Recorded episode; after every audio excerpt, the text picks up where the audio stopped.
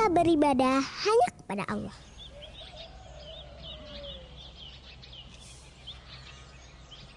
Siapa yang menciptakan matahari dan bulan? Dan kami tidak menciptakan langit dan bumi dan apa yang ada di antara keduanya tanpa hikmah.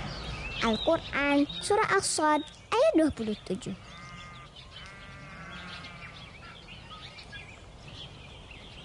Pada malam hari kita melihat bulan dan bintang.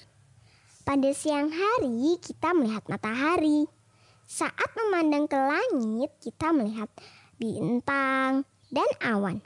Di bumi, kita melihat hutan, laut, dan binatang, dan banyak lagi hal lainnya. Saat memperhatikan sekitar kita, kita juga melihat banyak gedung, mobil, dan mesin. Seseorang pasti membuat semua gedung, mobil, dan mesin ini. Dibutuhkan banyak orang pintar untuk membuat segala benda ini. Segala sesuatu tidak ada yang bisa membuat dirinya sendiri. Bulan, bintang, dan matahari jauh lebih besar, lebih sulit untuk dibuat daripada mobil dan mesin.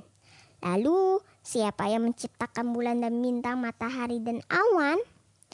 Orang-orang yang hidup di zaman dahulu Begitu juga yang hidup di zaman kini mengetahui bahwa ada yang membuat semuanya, baik yang di langit maupun di bumi.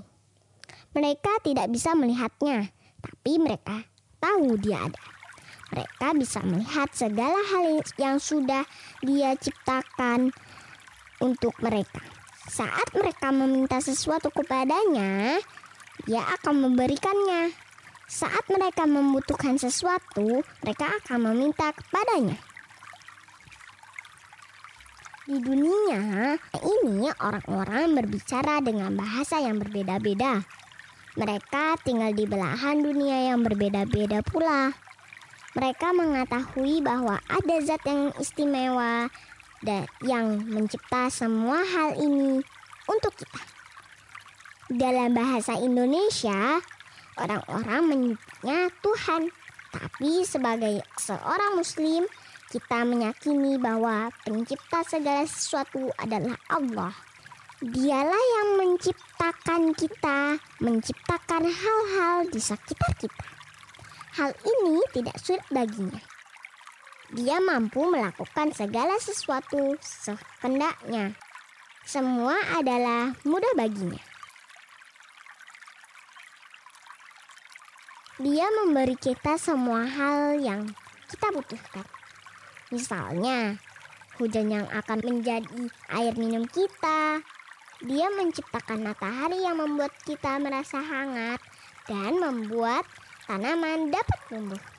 Dia memberi kita makan yang tumbuh dari tanah, sehingga kita bisa makan. Dia memberi kita banyak sekali kebaikan, tidak terhitung jumlahnya. Namun ingat, dia meminta kita untuk melakukan beberapa hal untuknya. Kita pun harus melaksanakan apa yang dia perintahkan. Dengan cara itulah kita berterima kasih kepadanya.